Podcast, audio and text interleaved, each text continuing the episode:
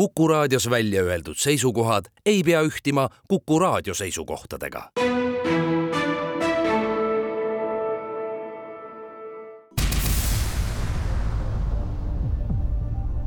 käsi pulsil, pulsil, pulsil, pulsil. tere päevast, kell on seitse minutit üle üheteistkümne. alustame saadet Käsi pulsil, stuudios on Martin Ehala ja Kalle Muuli.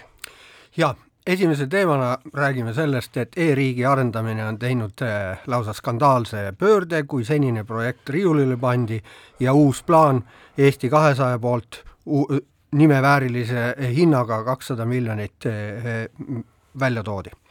teiseks äh, räägime pisut automaksust, selle seaduseelnõu esimene lugemine oli Tuletee Vilede saatel Riigikogus lõppeval nädalal ja seejärel äh, räägime sellest, et Haridusministeerium äh, plaanib äh, väikegümnaasiume sulgeda, suurem osa neist on maal, ja stuudios on meil haridusminister Kristina Kallas siis. küll Tartu stuudios ja eks vaatame, kuidas meil see ühendumine õnnestub, aga viimase teemana saates räägime Ameerika Ühendriikide võimaliku presidendikandidaadi Donald Trumpi ähvardusest mitte kaitsta neid NATO riike, äh, kes oma kohustusi ei täida, muid kohustusi ei täida NATO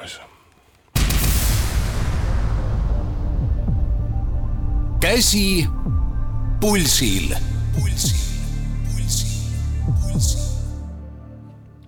aga alustame siis personaalsest riigist, millest, nagu mina olen aru saanud, ei saa keegi teine peale Eesti kahesaja eh, juhtide eh, aru, aga, aga räägime siis eh, sellest asjast, mida teada on. no ma panin tähele, et, et sellel pressikonverentsil, kus seda personaalse riigi plaani Äh, majandusminis-, äh, majandusminister Tiit Riisalo äh, tutvustas, oli siis kohal Nortali esindaja, kes ütles, et see Nortali kava või see kava on tehtud, Nortali enda kava, millel tegelikult see Eesti kahesaja ja, ja Majandusministeeriumi suur personaalse riigi plaan põhineb, et see oli siis rajatud selleks, et et äh, ma tsiteerin nüüd täpselt, kava on tehtud eesmärgiga kiirendada ärikasvu avaliku sektori digiteerimisel. ja nüüd äh, siis Majandusministeerium on võtnud selle kava kohati äh, üks-ühele üle, presenteerinud seda ministeeriumi kavana ja, ja, ja see peab siis edendama vastava ärikasvu, ma saan aru, et Nortali oma siis. Nortal on oma juhtide poolt siis äh, väga kõvasti toetanud äh, Eesti kahtesadat, Priit Alamäe, kes on Nortali juht, on, on Eesti kahesajale annetanud ligi, ligi pool miljonit eurot ja no ma ei tea, kuidas seda äh, tegevust siis nüüd nimetada, kui seda ei tohiks nimetada korruptsiooniks, sest Priit Alamäe eile ETV stuudios ähvardas meid kõiki, et äh, tuleb olla väga ettevaatlik selle nimega, nime, nimetamisega korruptsiooniks, et kuidas sina, Martin, seda nimetaksid? Jaa, me siin on kindlasti lõhna selle üle, aga ma ütlen, et, et natukene oli mul isegi äh, siis Priit Alamäest kahju eile Esimeses stuudios, sest vaat noh, tõesti, äh, kui nüüd nagu siiralt mõtled, et inimesel on suur idee juba, juba viis või seitse aastat tagasi teha äh, teha personaalne riik e, e-riik. Ja, ja siis ta nagu on, leiab erakonna, on selle alguse juures ja, ja selle erakonna kaudu üritab seda ideed siis viia nagu ellu. Ja kui siis see erakond tuleb võimule, siis see erakond nagu plaksti teebki seda asja täpselt. Ja vaat seal sa oledki äh, nagu sellises neetud olukorras. Hea küll, sul võis olla ju alguses ka nagu e, üllas idee, samas muidugi selge on see, et seal on puhtad isiklikud või ettevõtluse huvid taga, eks ole, Nortal tegeleb selle asjaga. E, Andres Raieste, kes on e, Nortalist ja ka Eesti kahesajast, on nende avaliku sektori valdkonna arendamise juht, nii et need nagu sidemed siin poliitika ja äri ja selle idee ja selle idee teostamise vahel on nii lähedased, et ei ole mingisugust võimalust nagu ajada tagasi või, või üritada öelda, et siin ei ole seda, isegi kui ka südamepõhjas seda ei olnud sellegipoolest see näeb nii halb välja, et su hinnang, et siin on tegemist korruptsiooniga, on täiesti adekvaatne. no Priit Alamäele ei ole mul suurt midagi ette heita. äriettevõte ja äriettevõtte juht püüabki oma äri ajada ja väga paljud ettevõtted püüavad oma äri ajada ka riigi kaudu ja ja, ja riigis lobi tehes ja, ja nii edasi, see on kõik, ma arvan, seaduse piires ja ja normaalne ja et ta on olnud nii edukas ja ära rääkinud terve Majandusministeeriumi ja saanud iseenda firma koostatud plaani nimeks Majandusministeeriumi plaan, et see on, näitab teda väga eduka ärimehena. noh, võib-olla seal mõned eetilised aspektid on, et, et seda on tehtud erakonnale annetamise kaudu ka ehk antud hoogu juurde, aga, aga no põhimõtteliselt ärimees peabki äri ajama no,. see, millest mina räägin, on ikkagi ministri tegevus, Tiit Riisalo tegevus. et kui, kui sa isegi nii teed et sa võtad ühe ettevõtte äriplaani, siis, ja see on sinu enda erakonna suursponsori äh, eestvedamisel koostatud plaan, et siis sa pead seda väga selgelt rõhutama, välja tooma, ütlema, et me viksisimegi Nortali plaani maha, sest see oli nii maru hea plaan, et me leidsime, et selle, seda ei ole vaja kuidagi paremaks teha ja see tuleb võtta üle. teiseks, sa pead juurde võtma sinna teised sama, samas valdkonnas tegutsevad ettevõtted ja, ja küsima ka nende arvamust, ettepanekuid ja nende plaane ja, ja muud sellist asja. et praegu noh, ma ei tea, korruptsiooni võib ju mitut moodi käsitleda ja kõige laiem definitsioon on see, et eh, usalduse kuritarvitamine või ametikohaga kaasneva usalduse kuritarvitamine, aga aga põhimõtteliselt, kui me räägime ikkagi sellest, eh, Martin, et sa näed näiteks Tallinna Kaubamajas kõndides, et keegi haarab teise inimese rahakotti ja paneb jooksu, kas sa võid siis ütelda, võtke varas kinni või pead sa ootama ära kohtuotsuse, enne kui sa ütled, et tegemist on vargaga? Et eh, kui tänapäeva eh, reegleid, kombeid ja moraali arvestada, siis ma ei tohiks öelda, et tegu on vargaga, sest see võib eh, tema õigusi riivata, enne kui ta on süüdi mõistetud, kuid see, mis muudab ministri käitumise eriti nagu ma ütleks räigeks, on, on see kogu see eellugu, eks ole, riigiäppi ju tegelikult arendati ja see riigiäpp oli juba selle nii-öelda möödunud aasta alguses äh, nii-öelda testimis, testimisvalmis siis vahetus valitsus, tuli Eesti kakssada, suvel toimus kohtumine IT-ettevõtjatega, kus leiti, et see äh, nii-öelda Ukraina riigiäpi põhjal tehtav äpp on täielik crap ja et tegelikult meil on vaja kahesaja miljoni eest ehitada nagu uus tõeline e-riik mille järel siis, eks ole, ka äh, Lukas Ilves läks selle digiarenduse mm, asekantsleri koha pealt minema, ühesõnaga varasem projekt kaheksasaja tuhandese kulutusega saadeti kohe prügikasti, siis Riisalu ütles, et loomulikult ei ole see, see mingil moel raisatud raha, sest me ometi õppisime sealt, me saime sealt kogemusi ja hiljem vandus käsi piibli peal, et ei ole mingisugust korruptsiooni. Ma ei tea, kas ta kristlane on, aga et ta, et tema piibli peal vandumist uskuda, aga see asi näeb väga hull välja. no nii Tiit Riisalo kui ka Eesti kahesaja eh, esimees Margus Tsahkna on ütelnud selle kohta, et me kuulame ettevõtteid, et tegelikult kui kuulatakse ettevõtteid, võib-olla et ei olekski Äh, väga paha, aga ega äh, antud juhul ju kuulatakse ainult ühte ettevõtet ja see, see on, see on erakonna suursponsorile kuuluv ettevõte või, või juhitav ettevõte. et äh, majandusministrist Tiit Riisalost on kahjuks saanud lihtsalt ühe ettevõtte müügimees ja, ja lobist valitsuses. ja, ja sellega, sellest on tegelikult kurb meel selles mõttes, et võib-olla see personaalse riigi plaan iseenesest nüüd ei taha ausalt öeldes süveneda ka sellesse enam, võib ju olla väga hea plaan ja seal võib olla väga häid mõtteid, mida ellu viia. ja, ja võib-olla see on väärt isegi seda kahtesadat miljonit, ma ei oska ütelda. muide, kusjuures keegi ei ole ka seletanud, kustkohast see kakssada miljon number tuleb, äkki see on ka kuskilt Priit Alamäe raamatupidamisest ma, pärit? Eh, ma nagu selles osas eh, vaataks nagu asjale teisiti, see personaalse riigi tegemine on ikka nagu mugavus, mugavusprojekt, et nagu Alamäe ütles, nutikella sees kõik see asi, aga riigireformi vastu ei tunne keegi huvi. see, et meil ametkonnad laiutavad, et meil oleks seal vaja midagi reformida, see on täiesti nagu kõrvaline asi. no vastupidi, öeldi, et ametkonnad tuleb viia sinna vee alla ja, ja et inimene et näeb ainult kella pealt ainult tulemust, jah.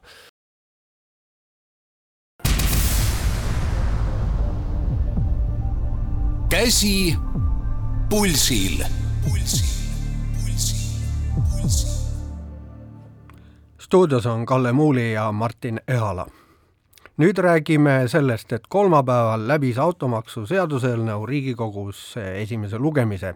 maks muudab sõiduautode soetamise ja omamisega praegusega võrreldes umbes nii viisteist kuni viis kuni viisteist protsenti kallimaks ja jaanipäevaks plaanib koalitsioon selle siis vastu võtta ja kehtima hakkaks see aastast kaks tuhat kakskümmend viis ja kogu opositsioon on sellele vastu, aga nüüd tunne on küll säärane, et ega neil mingisuguseid võimalusi siin midagi muuta ei ole vist.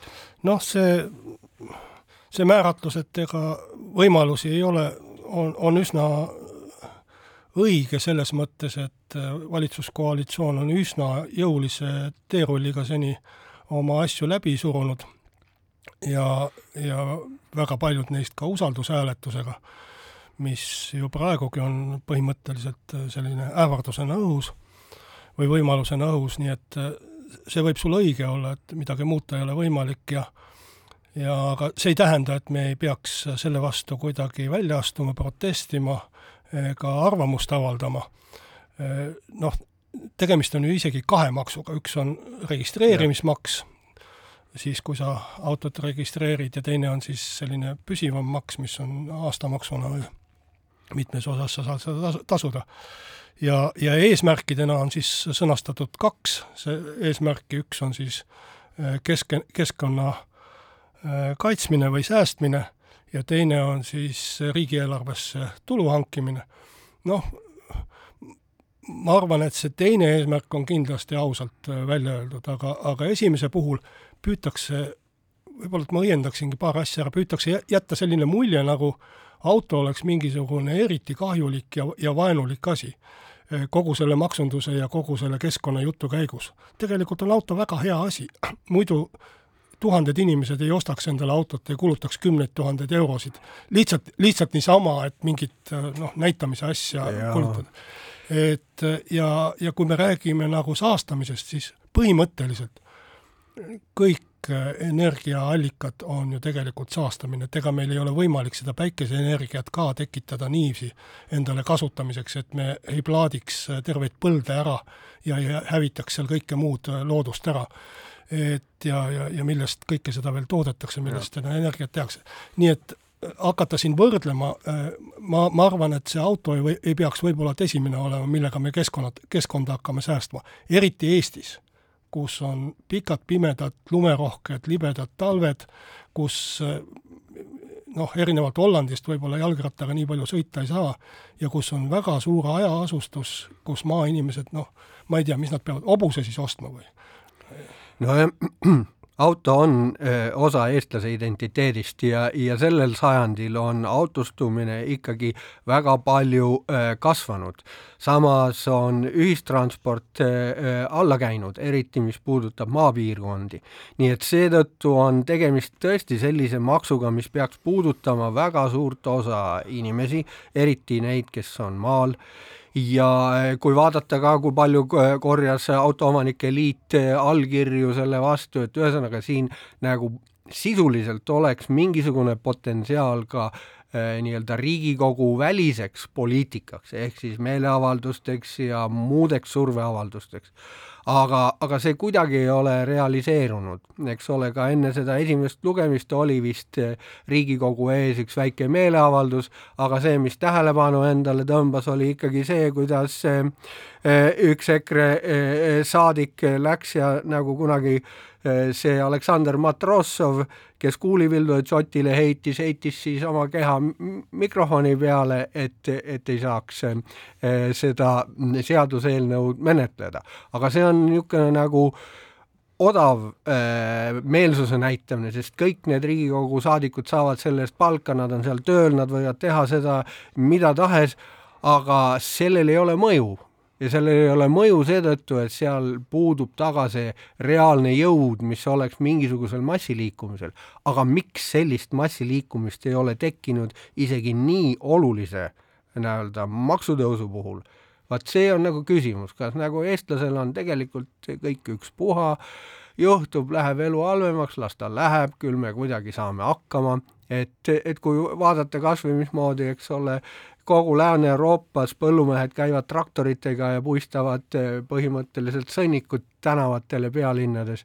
Eestis ei juhtu mitte mingisuguse eh, maksutõusu järel mitte mingisugust nagu rahulolematust, mis ületaks nii-öelda õlleklaasi taga pobisetud äh, nagu kirumise, et see on nagu hämmastav no ja EKRE tegevust Riigikogu saalis selle eelnõu esimesel lugemisel ma kindlasti heaks ei kiida.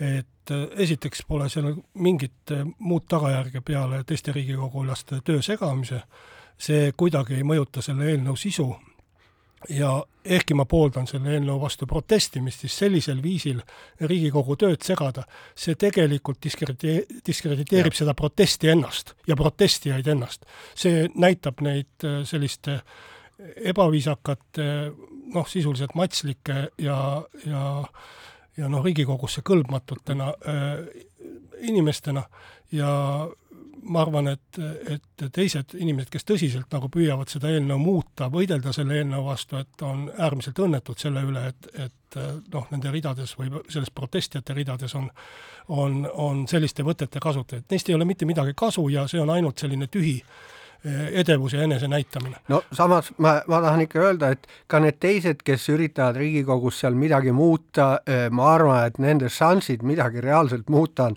on sama väikesed kui e-, EKRE saadikute šansid eh, saavutada samu eesmärke eh, lärmiga no,. ma olen nõus sinuga, et see lärm on täiesti mõttetu noh, võib, võib juhtuda selline asi, et selle protesti ja kõikide muude asjade tulemusena äkki valitsus kunagi vahetub ja tulevane valitsus, vähemalt minu koduerakond on lubanud, et tühistab selle seaduse igal juhul. nii et noh, muutus võib-olla tuleks siis hiljem lihtsalt nojah, aga igal juhul, kui selle seaduseelnõu vastu kuidagi võidelda, siis tuleks seda teha avalikkuses, mitte Riigikogus, sest see on juba täiesti ette näha, et kui seal püüda obstruktsiooni või kui seal üritada ka mingisuguseid põhimõttelisi muutusi sisse viia, siis sellel ei ole mingisugust mõju, sest Riigikogu kultuur, noh, selle valitsuse nii-öelda viis, kuidas eelnõusid menetleda, on juba läinud nii kaugele, et et kui neil saab isu otsa sellest, siis nad lihtsalt võtavad sellega vastu. üks argument, mida äh, on kasutatud justkui selle seaduse äh, toetamiseks, on ju see, et Eesti on ainuke Euroopa Liit, Euroopa Liidu riik, millel ei ole sellist automaksu äh, kehtestatud. et see argument on ka minu silmis selline äärmiselt kummalik, pikka aega me olime uhked selle üle, et meil on eriline maksusüsteem, et meil on proportsionaalne tulumaks, mida teistes Euroopa Liidu riikides ei ole, et meil on ettevõtete tulumaksuvabastus, mida teistes Euroopa Liidu riik, liikides ei ole, eh, investeeringute pealt ettevõtete tulumaksuvabastus.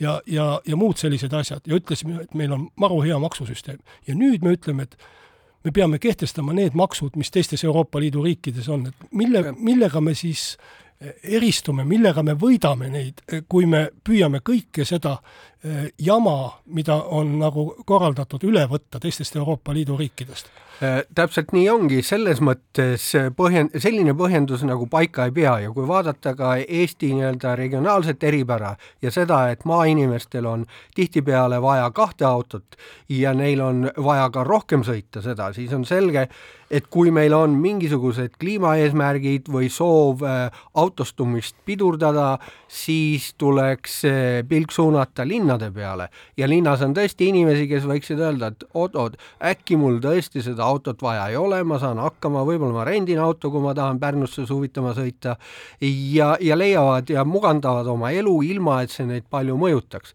aga praegu on see eelnõu ikkagi koostatud niimoodi, et ta põhimõtteliselt eh, koormab eh, maapiirkondade inimesi rohkem, ta häirib vähem linnaelanikke, eriti nooremat põlvkonda, kes, kes tõesti autosid nii palju ei kasuta ja, ja sellele valitsusele see sobib, seepärast et nende valijad nende valijaid see seadus nii palju ei mõjuta, eh, kui mõjutab opositsiooni valijaid, eriti EKRE valijaid, kellest paljud on maal.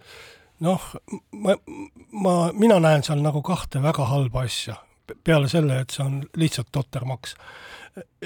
Üks on see, millest sa räägid, et see väga kõvasti lööb maainimest, kellele auto sageli no vähemalt üks auto, kui mitte kaks, nagu sa siin ütlesid, on, on vältimatu vahend selleks, et tööle jõuda või, või selleks, et lapsed kooli viia või mis iganes teha.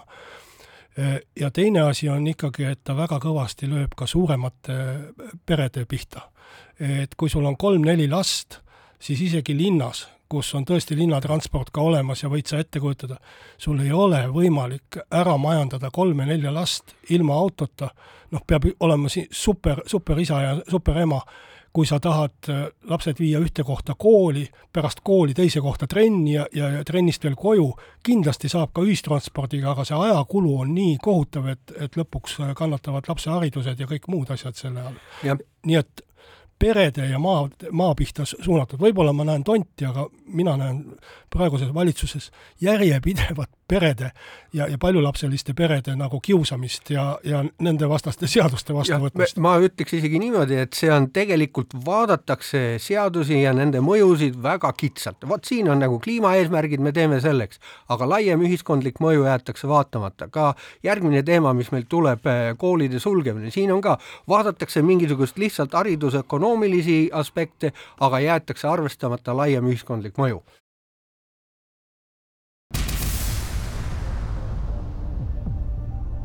Käsi pulsil. pulsil, pulsil, pulsil. jätkame saadet Martin Ehala ja Kalle Muuli stuudios ja nüüd siis ka haridus- ja teadusminister Kristina Kallas meil äh, Tartu stuudios äh, saatesse äh, tulnud äh,, räägime väikekoolide või väikegümnaasiumite sulgemisest, siis Haridusministeerium äh, plaanib äh, või tahab, on teinud ettepaneku kohalikele omavalitsustele sulgeda kõik alla saja gümnaasiumiõpilasega koolid või gümnaasiumid ja esiotsa siis on võetud sihikule veelgi väiksemad, alla neljakümnese õpilaste arvuga gümnaasiumid, mida Eestis on neliteist tükki. asekantsler Henrik Kattago on ütelnud Rahvusringhäälingule, et selle sulgemise ettepaneku eesmärk on parandada hariduse kvaliteeti, et oluline pole mitte niivõrd kokkuhoid, vaid see, et äh, see haridus, mida gümnaasiumis antakse, oleks kvaliteetne. et mu küsimus olekski äh, Kristiina Kallasele, tere! see, see, et, et kui me tahame parandada hariduse kvaliteeti või, või Haridusministeerium tahab seda teha, miks siis lähtutakse õpilaste arvust, mis on ju tegelikult kvantiteet, miks ei lähtuta näiteks, näiteks riigieksamite tulemustest, mis oleks kvaliteedinäitaja või mõnest muust kvaliteedinäitajast gümnaasiumite jaoks? jaa, tere, ähm, ma kõigepealt täpsustan, et äh, me ei ole teinud ettepanekut sulgeda kõik gümnaasiumiastmed, kus on alla saja õpilase. Äh, me oleme alustanud läbirääkimisi, äh, ehk siis sa-, saatnud kirjad nendele omavalitsustele, kellel on gümnaasiumiastmed, kus on väga vähe õpilasi ja kelle puhul me näeme, et järgmise viie-kuue aasta jooksul nende õpilaste arv kahaneb veelgi, sellepärast et põhikooli lõpetajate arv on seal oluliselt väiksem ja ka sündide arv on olnud nagu väga väike. ja see ettepanek, mis me oleme teinud nendele neljateistkümnele omavalitsusele, kus on täna nelikümmend ja vähem õpilast gümnaasiumiastmes, see tähendab seda, et igas klassis on äh, kümme või vähem kui kümme õpilast gümnaasiumiastmes äh,, on see, et need õppekohad, need gümnaasiumi õppekohad Äh, riik võtab oma pidada, ehk siis riik võtab need õppekohad ja need õppekohad avatakse kas lähedal asuvates riigigümnaasiumites või teiste omavalitsustega te kokkuleppel teistes gümnaasiumites, sest need gümnaasiumid, need neljakümne õpilasega gümnaasiumid, on sellises piirkonnas, kus läheduses, kas kümne kilomeetri või viieteist kilomeetri läheduses on tegelikult olemas teine gümnaasium, mis on natuke suurem gümnaasium. nüüd õpilaste arv ei ole ainuke, millest me lähtume me lähtume ka sellest, et kas tegelikult selle gümnaasiumi lähedal kuskil viiekümne kilomeetri raadiusel on üldse alternatiivi, näiteks Avinurme gümnaasiumit ei ole praegu üldse läbirääkimiste laual, sest seal lähedal ei ole ühtegi teist gümnaasiumi, kuhu noored saaksid minna. nii et me ei räägi näiteks Avinurme gümnaasiumi õppekohtade ülevõtmisest teine kriteerium on kindlasti see, et me vaatame riigieksamite tulemusi, äh, me vaatame õpetajate vanust ja seda, et see õpetaja, aineõpetajate asendamisvajadus, kui nendes gümnaasiumites aineõpetajate asendamisvajadus tulevikus on väga suur, siis peaks ju tegelikult selle omavalitsusega ka läbi rääkima selles, et mis nende plaan on, kuidas nad suudavad tagada äh, järgmise viie-kuue aasta jooksul tegelikult aineõpetajate kättesaadavuse nendes koolides. me vaatame ka seda, kui palju nende gümnaasiumi lõpetajatest tegelikult liigub edasi ülikooli, sest gümnaasium on ülikooliks ettevalmistav õppeaste eh, ja väga suures osas nendes gümnaasiumites, kus täna on nelikümmend ja vähem õpilast, pool või alla poole ainult tegelikult liiguvad edasi kõrgharidusse, et päris paljud liiguvad kutseharidusse ja meil oleks vaja, et me kutsehariduses neile looksime tegelikult need õppekohad, kus nad saaksid põhikooli järgselt tegelikult juba gümnaasiumiharidust koos kutseharidusega omandada. ja ma küsiksin siia, siia vahele seda, et, et kui te nüüd ütlete, et vaatate ka riigieksami tulemusi ja kuidas sealt ülikooli edasi minnakse, et kas see siis tähendab seda, et kui te neljateistkümnele koolile tehti, tegite sulgemisettepaneku, või, ja, või alustasite läbirääkimisi selleks kohalike omavalitsusega, et siis nendes neljateistkümne omavalitsuse koolides olid riigieksami tulemused kehvad ja ülikoolidesse sealt eriti edasi ei mindud? Nad olid keskmisest madalamad, seal oli üks erand, üks, üks, üks gümnaasium nende neljateistkümne seas oli üle keskmise, ülejäänud olid alla keskmise. riigieksamite tulemused ja gümnaasium, gümnaasiumist kõrgkoolidesse edasi õppimise protsent oli nagu väga madal et meie ettepanek ei ole sulgeda, veel kord, need õpilased, need noored inimesed nendes piirkondades peavad saama ka gümnaasiumiharidust, see ei ole see, et me maapiirkondade inimestel ei saa võtta ära ometigi õigust saada gümnaasiumiharidust. Küsimus on lihtsalt selles, et kas selles gümnaasiumis, kus on nelikümmend või alla neljakümne õpilase, on tegelikult kõik võimalused loodud akadeemilise gümnaasiumihariduse saamiseks. Ja praegu riigieksamite tulemused tihti näitavad, et need võimalused seal mitte alati ei ole, on erandeid, aga mitte alati loodud ei ole. ja seal läheduses, seal läheduses tegelikult kümne kilomeetri raadiuses või kahekümne kilomeetri raadiuses on kas riigigümnaasium või mõni teine suurem gümnaasium, kus on aga tegelikult need õppesuunad kõik ma, olemas. ma nüüd nagu vaidleks vastu ka vähemalt selles osas, et igal juhul te panete selle koormise ehk siis selle kohustuse, selle kulu kooli sulgemise kulu õpilase õlgadele, kelle koolitee läheb pikemaks. see on juba ebavõrdne kohtlemine, see on üks. miks Teine te seda väidate? ma, ma küsin üle lihtsalt igaks juhuks, mille pealt te seda väidate? kui koolitee läheb pikemaks, siis see koolitee eh, võtab õpilaselt ära võimaluse eh, olla samal ajal kas kuskil huviringis, ta peab arvestama mingite bussiaegadega, mis paneb tema huviharidusele eh, piirid peale, see võtab ära ka tema puhkeaega, igal juhul selle maksab kinni mingisugusel määral õpilane, kellelt võetakse ära õppida oma kodulähedases koolis. või õpilase millega, vanemad. jah, millega ta on arvestanud äh, praegu ja mida ta praegu teeb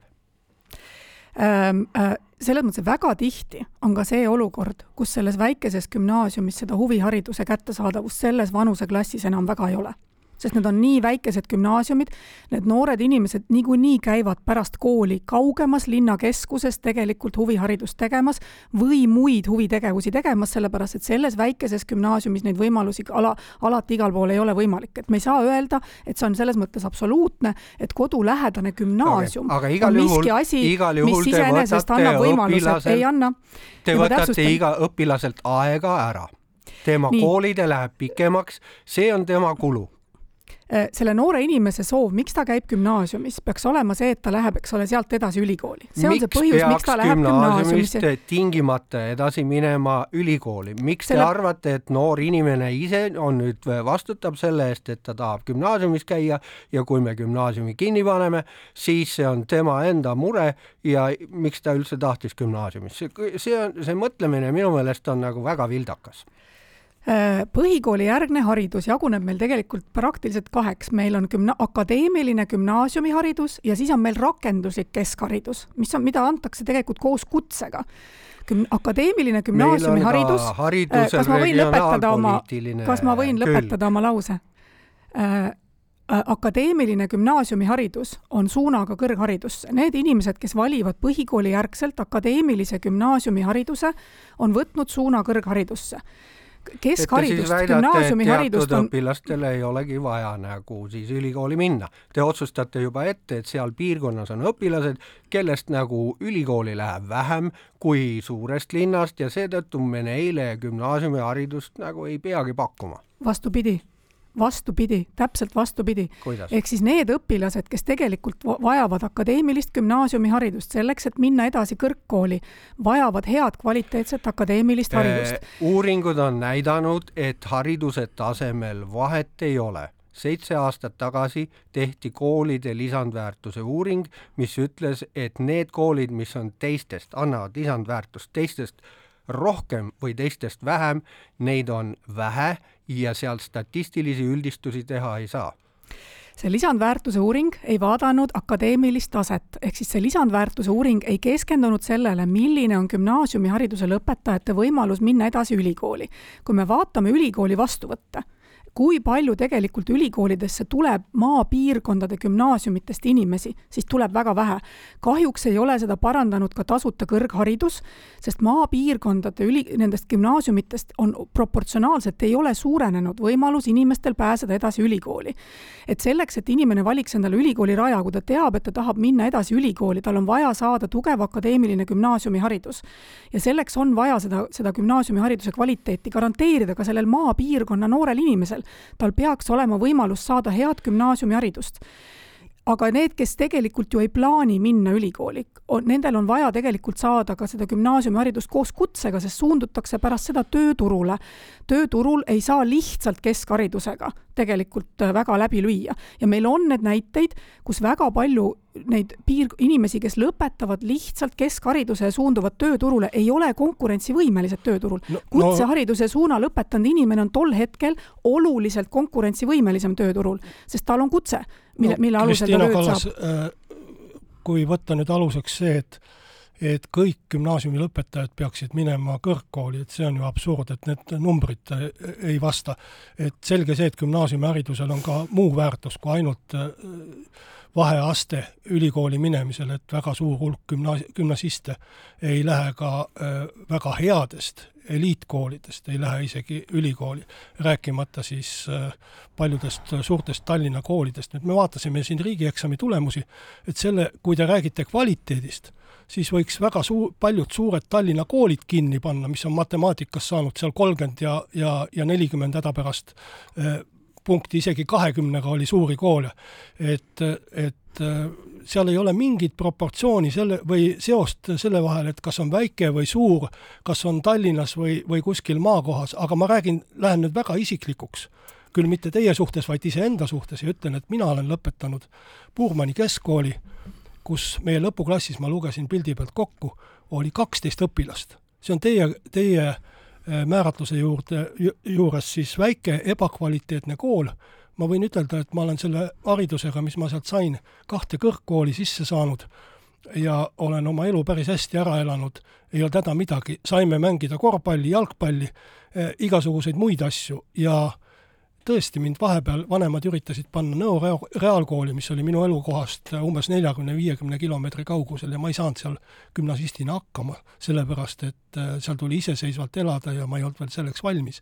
nii et kui te tahate praegu maalastele seda teha, siis minu isiklik kogemus ütleb küll, et see on äh, väga kurjast, väga kurjast Äh, me ilmselt jäämegi siin eriarvamusele, sellepärast et, et need võimalused, mida pakuvad oluliselt suuremad gümnaasiumid täna nendele noortele, kes nendes gümnaasiumites õpivad, on väga erinevad sellest, mis on võimalik pakkuda gümnaasiumis, kus on kakskümmend kolm või kakskümmend viis õpilast. me ei räägi isegi mitte neljakümnest, meil on gümnaasiume, kus õpib kakskümmend kolm õpilast äh, kogu gümnaasiumi astme peale. Need võimalused on erinevad ja kahjuks ka ülikoolidesse sisseastumisstatistika näitab, et need erinevused hakkavad tulema juba sellest, kus gümnaasiumis on see noor inimene tegelikult õppinud.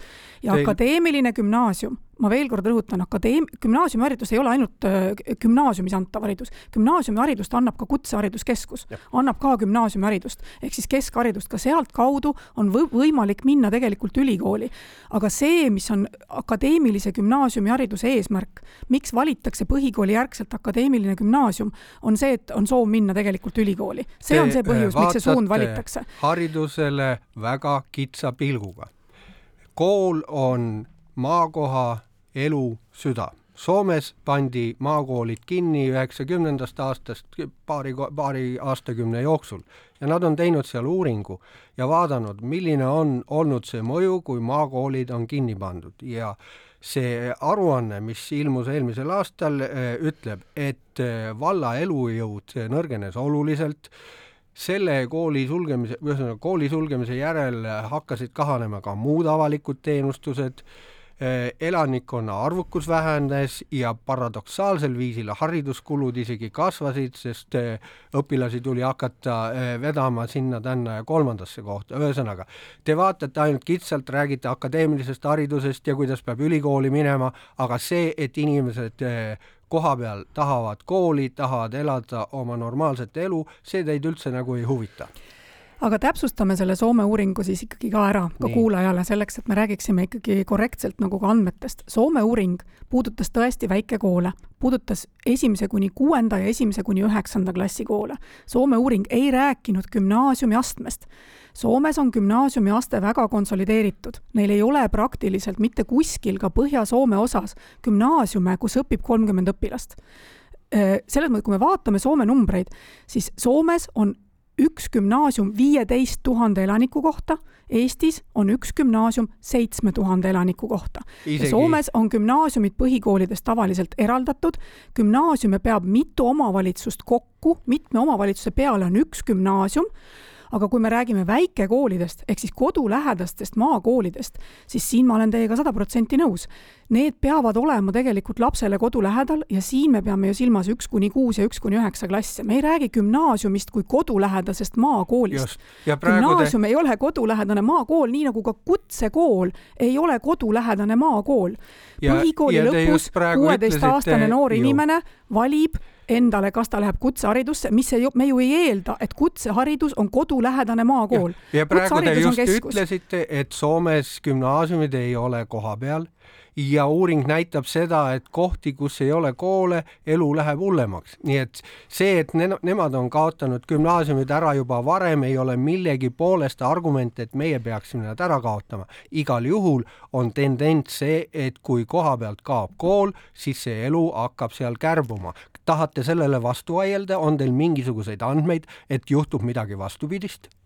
sellepärast, et teie toote andmeid, mis ei käi gümnaasiumite kohta. Teie, teie argumenteerite maakoolidega, teie argumenteerite maakoolidega, mis ei ole gümnaasiumid, e-, ehk siis maakoolidega üks kuni üheksa, mille kohta see uuring ja analüüs tehti ja ma seal olen teiega nõus, seal ei olegi mingit erinevust. aga me räägime praegu gümnaasiumi astmest. et elu hakkab minema paremaks. aga koha pealt ei kao kool ära no koha pealt koha ei kao kool kui ära. koha pealt kaob gümnaasium ära, millega inimesed on arvestanud, mis on nende kogukonnale tähtis koht. kui see ära kaob, kas te tahate öelda, et elu läheb paremaks? koha pealt ei kao ära kool. ma ütlesin, kui oluline. koha pealt kaob ära gümnaasium, millega kogukond on arvestanud, mis on kogukonna süda, kas te tahate öelda, et kui see gümnaasium kaob, et elu läheb paremaks M? Mina väidan, et nendele noortele inimestele, kes tahavad saada gümnaasiumiharidust selleks, et minna ülikooli, läheb see võimalus elu läheb paremaks, kas kogukond Mi... püsib, muutub rohkem elujõuliseks või vähem elujõuliseks? vastake väidan, sellele küsimusele no,. Nendele noortele inimestele, kes tahavad sealt piirkonnast, sellepärast et minu ülesanne, meie ülesanne, minu ülesanne on tagada see, et Eestis oleks kõigil kuueteist, seitsmeteist ja kaheksateist aastastel noortel võimalik saada väga head gümnaasiumiharidust, mis võimaldaks neid pärast edasi minna õppima ülikooli, sest selleks on suunatud. ja et meil ei oleks seda ebavõrdsust, mis meil täna on Eestis tekkimas, kus meil ülikooli pääsevad ainult suurtest linnade gümnaasiumitest tulevad noored ja maapiirkondade noorte võimalus ülikooli konkurentsis sisse saada on oluliselt halvenenud. ja seda on meile kõik uuringud näidanud ja me peame sellega arvestama. see on tegelikult see olukord, millega me peame arvestama. maanoortel peab olema täpselt samasugune võrdväärne ligipääs heale gümnaasiumiharidusele, mis võimaldab võimaldab neil minna ülikooli pärast? no neil ei ole ja ei hakka ka olema, sellepärast et linnas on need gümnaasiumid lihtsalt ligemal. et äh, see ei saa kunagi võrdväärne olema ka ei enne, praegu ei ole ega ka ei hakka pärast seda reformi olema, aga ka praegu on maakoolide või maal elavatel õpilastel ju võimalus käia linnas koolis, nii nagu te tahate neid noh, jõuga praegu suunata kui nad tahavad ja kui nad leiavad, et see haridus, mida neile kohapeal pakutakse ja sealt nad ei ja, ja kui see on nii, et nad tõesti sealt ülikooli ei saa selle haridusega, nad võivad juba praegu minna sinna kaugemasse gümnaasiumisse, kuhu te tahate neid äh, suunata. aga Kristina Kallas, ma arvan, et see, meie eriarvamused on tingitud äh, sellest, et te olete selle eesmärgi sõnastanud hariduse kvaliteedi parandamisega ja seostanud selle kvaliteedi Äh, hoopis kvantiteedi näitajaga ehk sellega, et, et kui palju koolis on õpilasi.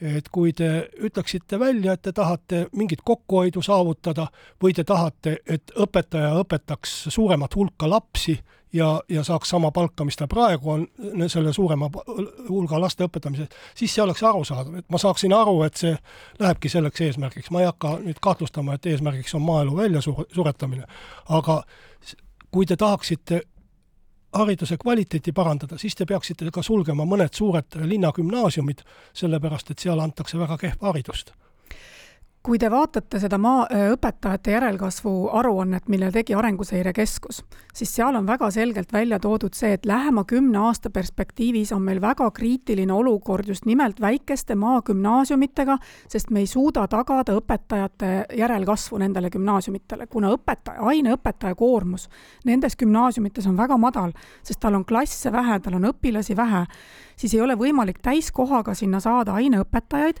mille tõttu noored ei vali tegelikult oma töökohaks neid väikeseid gümnaasiumiastmega koole, sest neil ei ole võimalik seal täiskoormust saada. tihti need gümnaasiumiastmega koolid täna äh, toimivad sellega, et on pensioneerunud õpetajad, aineõpetajad, kes nendes koolides tegelikult tunde annavad lähema viie kuni kümne aasta perspektiivis on reaalne küsimus selles, kas see gümnaasium tegelikult suudab püsida, sellepärast et tal ei ole võimalik enam tagada ainetundide mahtusid, sest meil ei ole seda õpetajate järelkasvu seal võimalik tagada, sest õpetajal ei ole seal täiskoormust. ja selle, ja selle, selles valguses on täna need läbirääkimised nende omavalitsustega. meie ei lähe koole sulgema, haridusministeerium ei saa sulgeda kooli, mis ei ole tema oma läbirääkimiste mõte on see, et need omavalitsused, kellel täna on väga väikeste hulga lastega äh, koolid, kus on näha, et õpetajate keskmine vanus on väga kõrge, mis on nende plaan, kuidas nad suudavad tagada aina väheneva õpilaste arvu juures tegelikult seda, et ka viie kuni kümne aasta perspektiivis on seal gümnaasiumis võimalik tagada kogu õppekava täitmine, ka see aineõpe meie ülesanne ei ole öelda omavalitsusele, sulgege oma koolid, lõpuks otsustab seda omavalitsus nagu ise. aga meil on vaja kokku leppida see tegevuskava iga, iga nende omavalitsusega, mis on nende plaan oma koolivõrgu osas aastani näiteks kaks tuhat kakskümmend kaheksa, kaks tuhat kolmkümmend, kui me näeme, et õpilaste arv hakkab väga drastiliselt jälle langema. aitäh, Kristiina Kallas, selle väga äh, sisuka ja äh, kannatliku selgitamise eest, soovin teile jõudu ja edu loodan, et see plaan läheb nii, nagu teie ette kujutate ja teie eesmärgid on mitte nii, nagu mina neid tulemusi ette kujutan. kõike head teile, teeme siinkohal reklaamipausi.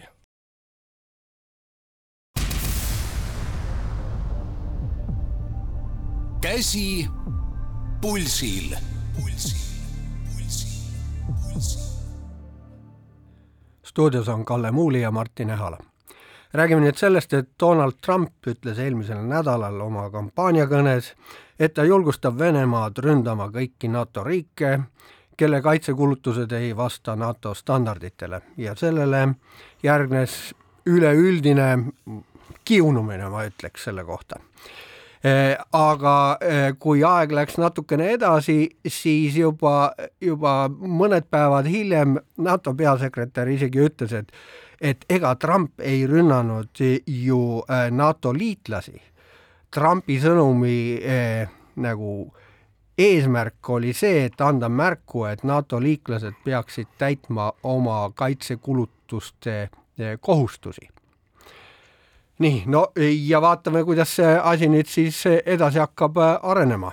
no edasi hakkab arenema nii, et nad hakkavad oma kohustusi täitma, aga aga muidugi peab ütlema, et see viis, kuidas Trump ennast väljendab ja kuidas ta, kuidas ta ütleme, enda kohustusi mittetäitvatele liikmesriikidele survet avaldab, et see on üsna kuidas nüüd viisakaid sõnu ütelda, aga, aga üsna ikkagi erakordne ja üsna talumatu ja minu meelest sellist suhtluskultuuri ka ei peaks rakendama. ehkki, ehkki võib-olla eesmärgid on õilsad ja, ja üllad. samas, mille poolest on parem see, kui ma räägin viisakat juttu, aga jätan kohustused täitmata nii NATO ees kui ka oma rahva ees, jätan riigikaitsekulutused tegemata ja, ja sean oma riigi äh, noh, ühesõnaga Lääne-Euroopa ju kogu see poliitika on olnud mitu aastakümmet selline, et saame Venemaalt odavat gaasi ja naftat ja Ameerika kaitseb meid kui midagi peaks juhtuma, aga ise siis elame mõnusalt ja, ja kasutame seda rah-, raha hoopis teistmoodi. et äh, ma arvan, et ka see teine käitumine on väga vastutustundetu ja, ja veel vastutustundlik, tundetum kui, kui Trumpi mõningad avaldused. et ma ei oleks nende Trumpi avalduste suhtes nii kriitiline kui sina, sest suhtlust peab vaatama kontekstis. Trump ise on ammu enne, kui ta on olnud poliitik, ka sõna võtnud sellest, et eh, Euroopa, NATO liikmesriigid ei täida oma kaitsekulutusi. ta on sellest rääkinud siis, kui ta oli eelmine kord president ja äh, lood ei ole muutunud, nii et kui sa räägid ja räägid ja räägid ja sinu suhtluspartner aru ei saa, siis on täiesti õigustatud lõpuks öelda seda niimoodi, et nad tunnevad ennast puudutatuna, noh, sisuliselt isegi nagu hüpata neile peale, et võtke oma jalad lõpuks kõhu alt välja. no Äripäev äh, kommenteeris Trumpi avaldust pealkirjaga Sõna on tegu sellega ma küll nüüd nõus ei ole ja seda kasutati ka äh, EKRE vastu omal ajal, et iga sõna, mis nad ütlevad, on tegu. kui sõna oleks tegu, siis äh, oleks äh, kõikidel NATO liikmesriikidel juba ammu kaitsekulutused üle kahe protsendi, sest need NATO riikide juhid on lubanud ja andnud oma sõna, et nad äh, tõstavad oma kaitsekulutused üle kahe protsendi. aga need ei ole tõusnud, sõna ei ole tegu. ja samamoodi ei ole Trumpi sõna tegu, ta ei ole äh, seda teinud ja ilmselt ka ei tee, aga, aga lihtsalt rünnata sellise äh, noh, Orwelliku tuhande üheksasaja kaheksakümne neljanda aasta raamatust pärit tsitaadi, peaaegu et sealt pärit tsitaadiga Äh, Trumpi ei ole ka minu meelest kohane. et, et lääneriikide äh, juhtide sõnad võiksid tegudeks muutuda. Ja ei, Trump ei ole lihtsalt ainult kraakleja ja, ja kõige viimane uudis täna ma lugesin seda, et eh, Trump on arutanud oma meeskonnas seda, et kuidas luua sisuliselt kahekihilist NATO-t, et kus artikkel viis, mis nõuab rünnaku alla sattunud liikmesriigi eh, kaitsmist, rakenduks ainult nendele, eh, kes täidavad lepinguid kaitsekulutuste osas. no see on ka loogiline, et kui üks ei täida oma kohustust, miks siis teine peab täitma oma kohustust, aga sellega on meie saade tänaseks lõppenud, järgmisel reedel jälle. käsi pulsil. pulsil, pulsil, pulsil.